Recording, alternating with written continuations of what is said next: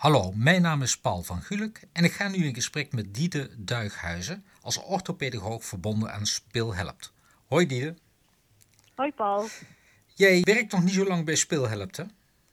Nee, dat klopt. Ik heb net mijn derde week gehad. Of ja, dit is de laatste dag. Ja, zo. En hoe bevalt dat zo? Ja, het bevalt eigenlijk heel goed. Ik ben meteen al druk bezig met onderzoeken en begeleidingen op school. En vind het heel leuk om te doen. Ja, dus uh, meteen eigenlijk in het diepe gegooid. Zeker, Ja. zeker. Ik mocht meteen flink aan de slag. Leuk. Maar dat is allemaal goed gegaan. Ah, goed zo. En eh, waar werk jij nu? In welk dependance? In Hedel. Ik werk twee dagen in de week in Hedel. Dan Ja. doe ik onderzoek. En ik ben twee dagen in de week op een school in Engelen. Oh, kijk. Om daar kinderen te begeleiden. Oh ja, en hoe gaat dat in zijn werk, dat, dat begeleiden? Jij komt dan binnen in de klas of, of heb je een apart lokaal? Ja, ik heb een apart lokaal en daar haal ik door de dag heen haal ik verschillende kinderen uit de klas. Deze school die heeft arrangementen bij eh Speelhelp ingekocht en daarmee eh, gaan, komen wij op school om kinderen te helpen. Eigenlijk veel breder nog. Dus sommige kinderen helpen we met het uiten van emoties en sommige met plannen of sommige gewoon met hun schoolwerk. Oh, Dus heel eh, divers. ja, leuk. En eh, jij zegt arrangementen, wat moet ik me daarbij voorstellen? Een arrangement? Ja, ja dat is dus ehm, waar de kinderen die lopen op school ergens tegenaan. En dan eh, schakelt school ons in om de kinderen daarbij te, te komen helpen. Oh ja, dus dat merkt eigenlijk de leerkracht, zeg maar, die merkt iets op en schakelt Ja. dan speelhelpt in. Ja, de leerkracht die gaat in overleg met de intern begeleider bij hun op school. En eh, die intern begeleider die neemt weer contact met ons op om eh, die kinderen te begeleiden. Ja. Jij hebt gestudeerd in eh, Amsterdam, geloof ik, hè? Dat klopt, dat klopt. Ik heb zes jaar in Amsterdam gestudeerd. En waarom Amsterdam? Ja, mijn, mijn broer die was al eerder naar Amsterdam gegaan. Dus ik kwam daar eigenlijk vanaf jongs af aan al. En het was gewoon een stad die mij heel erg trok. Toen ik voor de keuze stond wat ik wilde gaan studeren, was al wel duidelijk dat ik iets met kinderen wilde gaan doen. Maar wat wist ik nog niet zo goed. En toen ben ik naar de open dag van de PABO geweest, ook in Amsterdam. Ja. En daar kwam ik eigenlijk in aanra- aanraking met universitaire PABO. Dus dat is een combinatie van de lerarenopleiding en pedagogische wetenschappen aan de universiteit. Ja. En dat sprak mij wel heel erg aan. En toen eh, was in Amsterdam ook nog de, ja, de, de universitaire PABO. Daar sprak mij ook vanuit het land het meeste aan. Dus vandaar de keuze voor Amsterdam. En jij bent dus nu ook bevoegd om gewoon les te geven op de basisschool. Nou, dat dus niet, want ik ben begonnen aan die opleiding. Ja. En toen kwam ik er eigenlijk al vrij snel achter dat ik het stuk op de universiteit nog veel leuker vond dan het voor de klas staan. En daarbij was het een eh, behoorlijk zware opleiding, waarin je twee opleidingen tegelijk deed. Ja. En toen heb ik eh, de keuze gemaakt om alleen verder te gaan met pedagogische wetenschappen. Zodat ik me daar volledig op kon focussen. En daar heb je tot nu toe nog geen spijt van gehad. Nee, zeker niet. Zeker niet. Jij hebt stage gelopen bij de Raad voor Kinderbescherming, geloof ik. hè? ja, dat klopt. Ja. Wat, wat Ik, moest je eh, daar doen? Nou, ik ben in mijn eh, studie, in mijn master, de richting forensische orthopedagogiek opgegaan. En dat is eigenlijk eh, de richting van orthopedagogiek die zich bezighoudt met kinderen die in aanraking komen met justitie. Dus kinderen die, ja, die in aanraking komen met het strafrecht. Maar bijvoorbeeld ook kinderen die, waar ouders niet goed voor de kinderen kunnen zorgen. En waar jeugdzorg bij komt kijken of die kinderen wel thuis kunnen blijven wonen. En vanuit daar ben ik eigenlijk bij de Raad voor de Kinderbescherming terechtgekomen. Waar eigenlijk onderzoek wordt gedaan of kinderen wel veilig thuis wonen. En ook als kinderen eh, crimineel gedrag hebben laten zien, welke straf dan het beste bij ze past. En in mijn stage was ik daar als gedragsdeskundige eigenlijk ondersteunend voor de mensen die het onderzoek in de gezinnen deden. En ging je met hun in gesprek over wat is nou het beste voor dit kind. En eh, wat is er nodig om dit kind zo veilig mogelijk op te laten groeien. Ja. Het, het klinkt eh, wel heftig, hè? Ja, dat is het zeker. Het is een hele eh, ingewikkelde doelgroep. Met vooral ook ouders die vaak niet mee willen werken. Want die zien vaak zelf het niet, probleem eh, niet. Dus het is wel ingewikkeld om samen met die ouders in gesprek te gaan om ook ouders mee te kunnen krijgen. Ja, ja, ik herken het. Uh, Hanny en ik zijn ook als mediator zijn we vaak uh, betrokken geweest bij dit soort uh, zaken. Mm -hmm. En ja, soms is het bijna hopeloos, vind ik. Ja. En dan ja. bedoel ik, er zijn kinderen die hebben zo weinig kans om zich gewoon te ontwikkelen. Omdat ja. de thuissituatie, de omgeving er niet toe is. En dan kun je eigenlijk betrekkelijk weinig uitvoeren. Hè? Ja, ja. En inderdaad, wat jij, wat jij zegt, het is thuissituatie, het zijn de ouders en de hele omgeving die er eigenlijk voor zorgen of een kind wel of niet uh, veilig kan opgroeien. Ja. Um, op een gegeven moment ben jij toch, heb jij bij Speelhelpt heb jij gesolliciteerd. Mm -hmm. wat, wat heeft toen eigenlijk de doorslag gegeven voor jou? Om niet nou, merk... naar, die, naar, naar de Raad van Kinderbescherming te gaan? Ja, ja, ik merkte dat ik het bij de Raad voor de Kinderbescherming heel leuk vond en heel interessant. Maar dat ik het dus ook wel echt ingewikkeld vond om met deze doelgroep uh, te werken. En ik merkte bij mezelf dat ik er eigenlijk behoefte aan had om echt meer met ouders en met kinderen samen te gaan werken.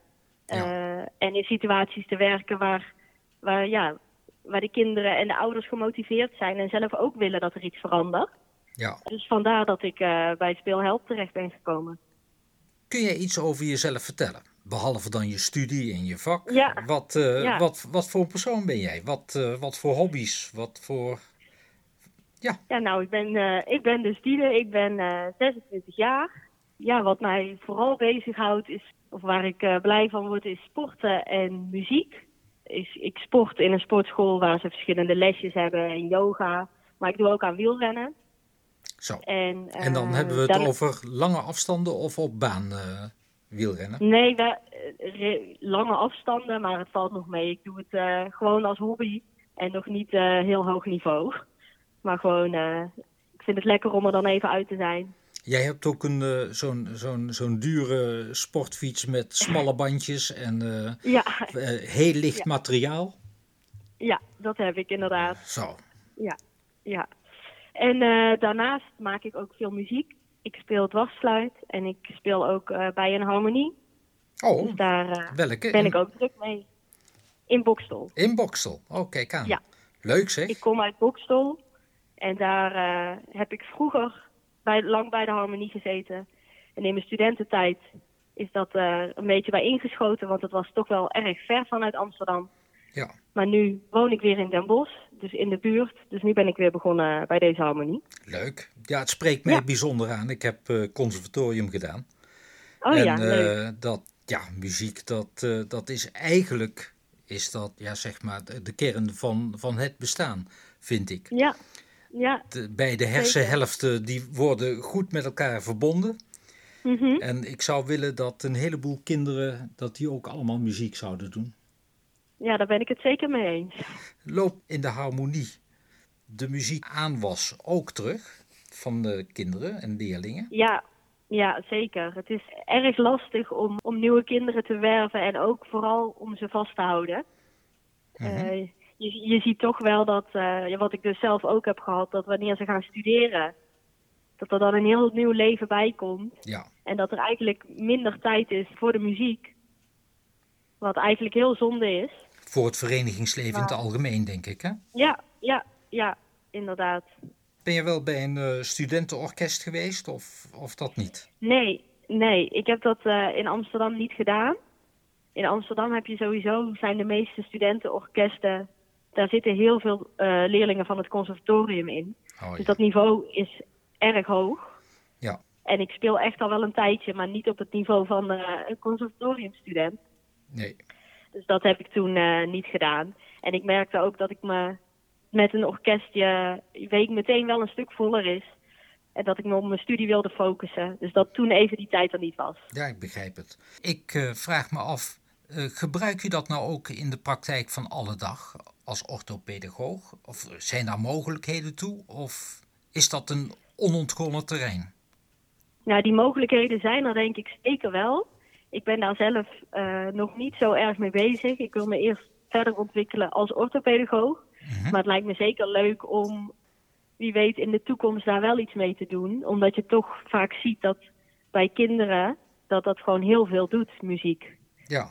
Dat, ze daar bij, dat bijna alle kinderen daar enthousiast van worden. Dus dat, dan heb je zeker een ingang bij kinderen. Ja, het geeft ook een, een sociale verbondenheid.